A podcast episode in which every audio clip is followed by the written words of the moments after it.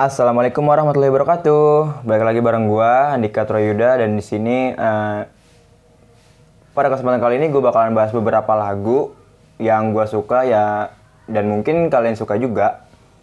Lagu-lagu yang bakal gue bahas mungkin familiar juga di kuping kalian, sering kalian dengar. Atau kalau misalkan kalian nggak sering dengar atau baru pertama kali dengar, ini bakal jadi sesuatu yang baru, suatu hal yang baru, ilmu baru, pengetahuan baru yang bakal kalian tangkap, yang bakal kalian dapat, khususnya di dunia permusikan, bahwa ada loh eh, lagu-lagu yang liriknya mengartikan sebuah makna, liriknya yang dalam, yang mengartikan sesuatu, bukan cuma enak didengar, tapi juga ya menyimpan makna lah di balik setiap liriknya. Dan kalau misalkan lu semua ada yang udah tahu lagunya, terus juga mendalami bandnya atau lagunya, terus misalkan dari penjelasan gua saat ini ada yang salah atau ada yang kurang, lu boleh konfirmasi ke gua lewat IG gua yang nanti bakal gue sebutin dan juga gue taruh di, deskripsi Spotify gua di podcast gua ini mungkin. Nanti gue bakalan open lah buat diskusi masalah lagu-lagu yang gue bahas kali ini ya langsung aja kalau misalkan tanpa misalkan nggak ada apa-apa lagi kita langsung ke isi podcastnya aja. Semoga kalian terhibur dan enjoy the show enjoy the podcast. Ya langsung aja ya.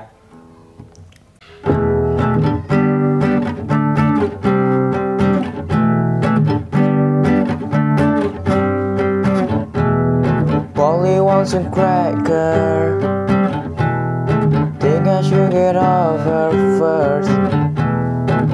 she wants some water to put on my blowtorch. Isn't me? Haven't seen. Let me clean dirty wings. Let me take a ride. Get yourself. Want some milk? Please myself. Got some rope you haven't told. Promise you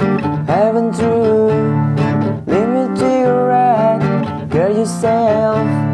Help? Help myself.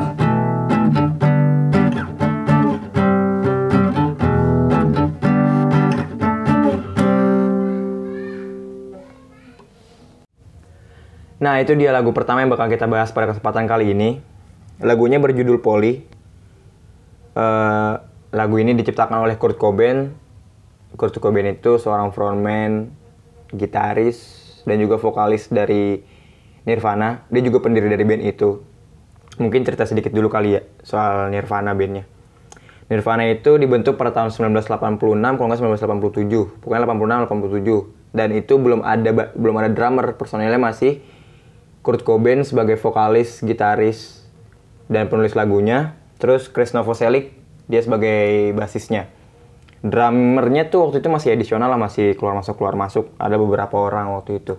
Kenalan dia dulu, kenalan di band yang lama, segala macem.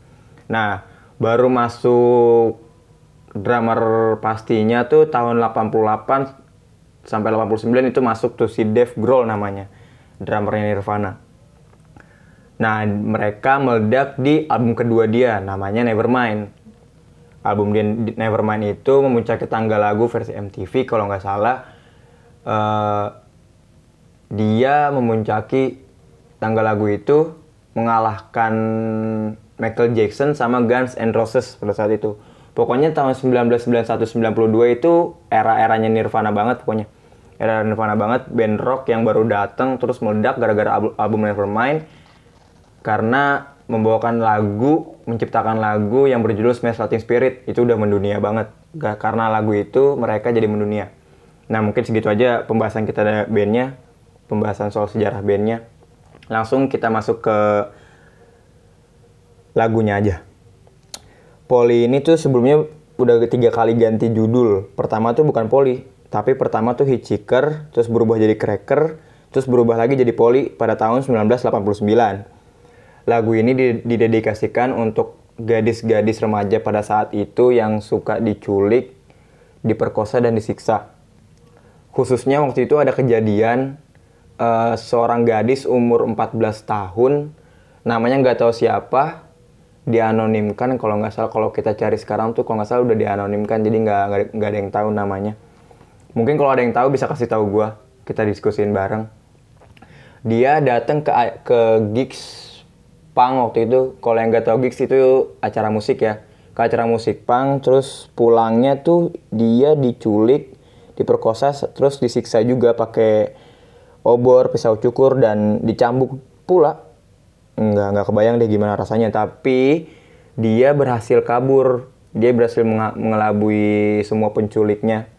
Dia berhasil kabur dan Kurt Cobain ngelihat berita itu di surat kabar baru deh dia bikin lagu Poli ini Poli ini buat Kurt Cobain ini sebuah nama ya sebuah nama. Tapi gadis yang dia lihat beritanya pada saat itu namanya bukan Poli tapi nggak tahu namanya siapa. Makanya kan tadi gue bilang itu dianonimkan. Nah, lagu Poli ini tuh di setiap baitnya menceritakan menceritakan sebuah ya menceritakan semua kisah si gadis yang diculiknya ini bagaimana dia disekap, disiksa sampai ke cara dia untuk melarikan diri. Kayak ada lirik yang Polly some Polly wants a cracker itu Polly ingin se- sebuah sebuah kue kan. Itu itu salah satu cara dia untuk mengelabui si pemerkosanya hingga akhirnya dia bisa kabur dari situ dan keluar dari tempat sekapannya itu. Itu salah satunya. Dan nggak tahu kebetulan atau enggak ya. Eh, beberapa tahun kemudian, tepatnya pada tahun 1993, ada kasus terulang sama ini tuh namanya sama juga. Poli juga namanya. Tapi dia gadis umur 12 tahun, dia juga di- diculik, diperkosa, disiksa juga, tapi dia meninggal akhirnya. Nah, tapi eh, ya Kurt Cobain nyiptain lagu ini bukan karena kasus yang 1993 itu ya, karena Kurt Cobain nyiptain ini pada tahun 1989 beberapa tahun sebelum kejadian poli yang asli ini terkuak. Banyak kok di lirik-lirik lagunya yang menceritakan tentang bagaimana cara dia untuk melarikan diri kayak yang tadi gue udah sebutin segala macem. Eh, ya mungkin segitu aja sih lah kesepat lagu yang pertama kita bahas pada kesempatan kali ini lagu yang cukup menarik menurut gua enak juga untuk dibawain sendiri atau dinyanyiin sendiri ya. Dinyanyiin sendiri juga enak di nyanyiin bareng-bareng juga enak apalagi kita mau ngeband juga enak dibawainnya lagu poli ini. Kalau ada yang nggak terima sama jelasan gua kayak yang tadi gue bilang di awal lu bisa konfirmasi ke gua kita diskusin bareng ya. Oke lanjut ke lanjut ke lagu selanjutnya ya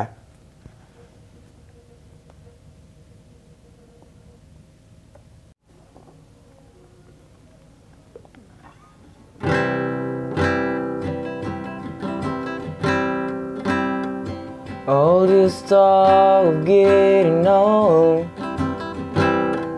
is getting me down, my love.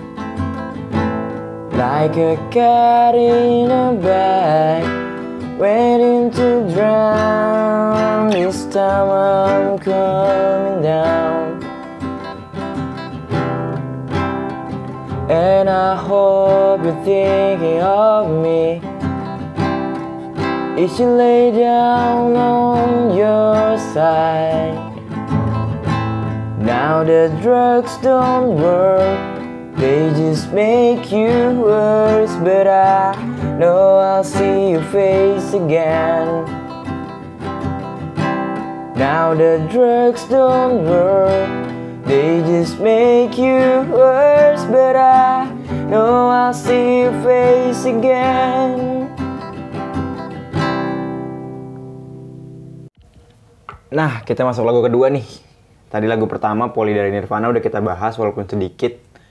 Nah, kita masuk lagu kedua yaitu yang berjudul The Drugs Don't Work. Lagu ini dibawakan oleh The Verve atau The Verve kali ya dipanggilnya, dibacanya. Alirannya mungkin itu Britpop atau rock juga bisa. Alternatif lah kayaknya. Bandnya dibentuk di Wigan pada tahun 1990 yang dibentuk oleh vokalis dari band tersebut yaitu Richard Ashcroft. ribet juga namanya ya lagu ini menceritakan tentang si vokalis yang baru berumur sekitar 10 sampai 11 tahun. Dia ditinggal ayahnya pergi meninggal karena ayahnya mengidap kanker. Di lirik-liriknya dia menyebutkan kalau obat-obatan udah nggak berguna lagi.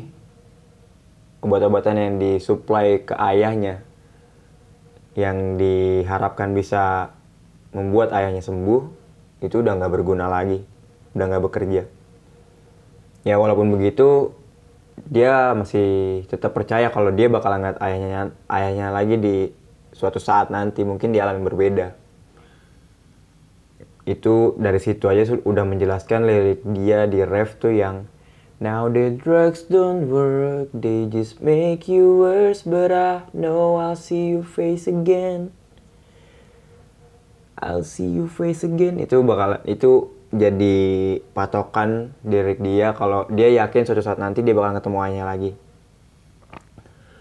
Nah, di sisi lain juga lagu ini The Drugs Don't Works juga menjadi arti bagi para pengguna narkoba kalau narkoba itu bukan salah satu jalan untuk memecahkan masalah. Malah narkoba itu menambah masalah untuk para penggunanya. Para penggunanya mungkin beranggapan kalau dia memakai barang haram itu bakalan lupa dengan semua masalah yang lagi dihadapin. Padahal nyatanya setelah lu semua pakai itu setelah kalian pakai barang haram itu masalah nggak akan pergi. Masalah bakalan ada terus di hadapan lu. Mau bagaimanapun lu menghindar dia bakalan tetap datang mau lu pakai berapa banyak pun barang haram itu dia bakalan tetap datang bukannya malah memperkecil masalah atau mem, atau apa ya? Bukannya masalah hilang tapi dengan lu pakai barang haram itu masalah masalah lu malah makin nambah. Nggak ada narkoba yang efeknya tuh bagus buat penggunanya. Nggak ada. Dia malah ngerusak badan lu ngerusak jasmani lu secara perlahan-lahan. Belum masalah masalah lu kelar udah nambah lagi masalah lu dengan obat-obatan terlarang ini jadi band The Verve itu mengatakan bahwa dia juga nggak nggak lagi menggunakan obat-obatan terlarang tersebut itu. Ya mungkin mereka pernah lah terjerumus tapi ya mereka akhirnya sadar kalau they just make you worse. Jadi barang-barang itu tuh malah bikin malah bikin lo makin buruk bukan bukan bikin lo makin terbebas dari semua masa lalu tapi malah nambah masa lalu dan makin bikin keadaan lo tuh nggak baik gitu. Balik lagi ke pembahasan tentang mendiang ayahnya. Uh, lagu itu ditulis nggak lama setelah ayahnya si vokalis Richard Ashcroft meninggal. Beberapa kalimatnya juga diungkapkan mungkin jadi salah satu emosi lah yang dirasain sama si penulis dari kematian ayahnya. Ya bagi dia tuh bagian masa kecilnya juga mati bersama ayahnya. Terus ada ada lagi liriknya yang berbunyi Like a cat in a bag. Jadi ya di masa lalu orang biasa menenggelamkan kucing yang tidak diinginkan dengan memasukkannya ke dalam tas dan membuangnya ke dalam air seperti sungai, danau dan lain sebagainya. Jadi begitu tas itu ditutup, maka kematian bisa dipastikan terjadi. Nah, si vokalis Richard Ashcroft ini membandingkannya dengan penderitaan kucing tersebut.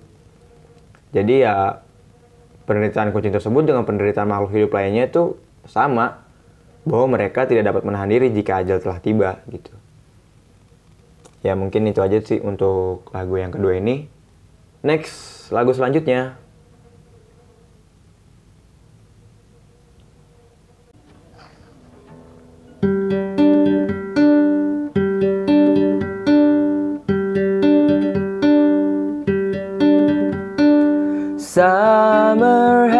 has come and passed. The anything can never last. Wake me up when September ends. Like my father's come to pass. Seven years has gone so fast. Wake me up when September ends. Here comes the rain again, falling from the stars. Dreams in my pain again, becoming who we are.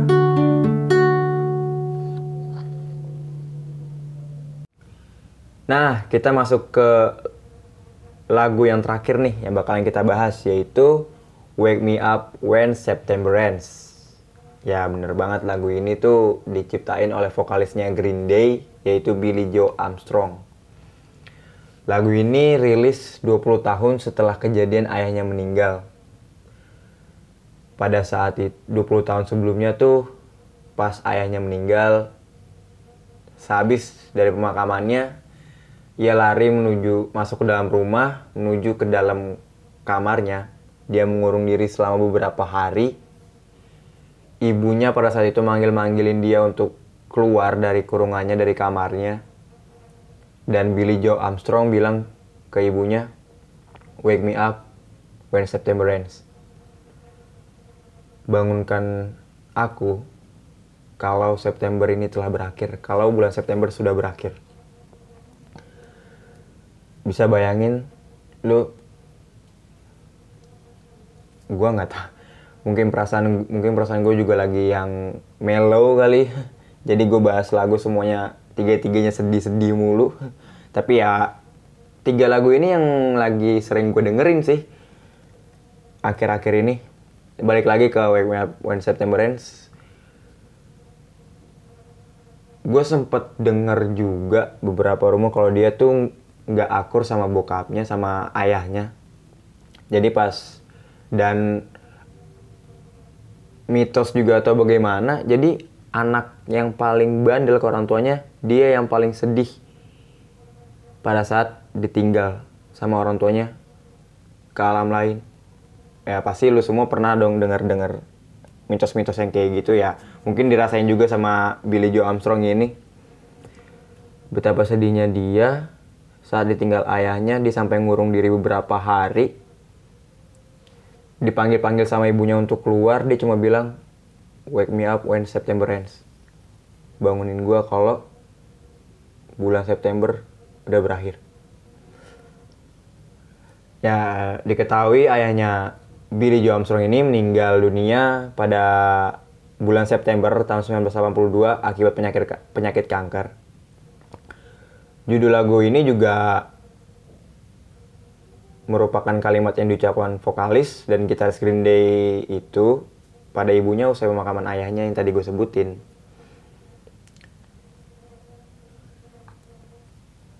Terus meskipun begitu uh, cerita tentang ayahnya ini bukan satu-satunya alasan buat ya mungkin jadi alasan yang paling utama cuman ada ada alasan lain buat si Billy Joe Armstrong menciptakan lagu ini.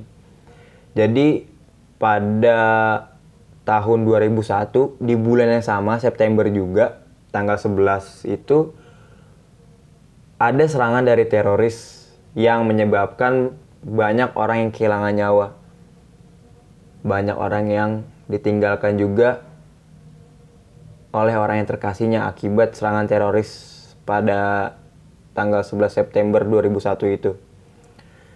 Jadi emang mungkin pas aja kali ya, pas momennya pas, waktunya pas, baru si Billy Joe Armstrong ini merilis lagu ini. Jadi bukan hanya didedikasikan untuk dirinya dan keluarga akibat ditinggal sang ayah. Billy Joe Armstrong mendedikasikan lagu ini juga untuk semua orang yang ditinggalkan orang terkasih pada saat serangan teroris pada tahun 2001 itu ya pas aja kali jadi ya Billy Joe Armstrong lama sebelum mereka itu dia sudah merasakan rasanya ditinggal sama orang terkasih. Jadi ya itu kenapa lagu ini masih relevan, masih cocok didengerin sampai sekarang sampai 2021 masih banyak banget yang kalau dengerin lagu ini tuh kayak kena aja gitu dalam liriknya dalam karena ya emang semua orang bakalan ditinggalin sama orang yang terkasih sih dan Billy Joe Armstrong udah ngerasain itu terlebih dahulu.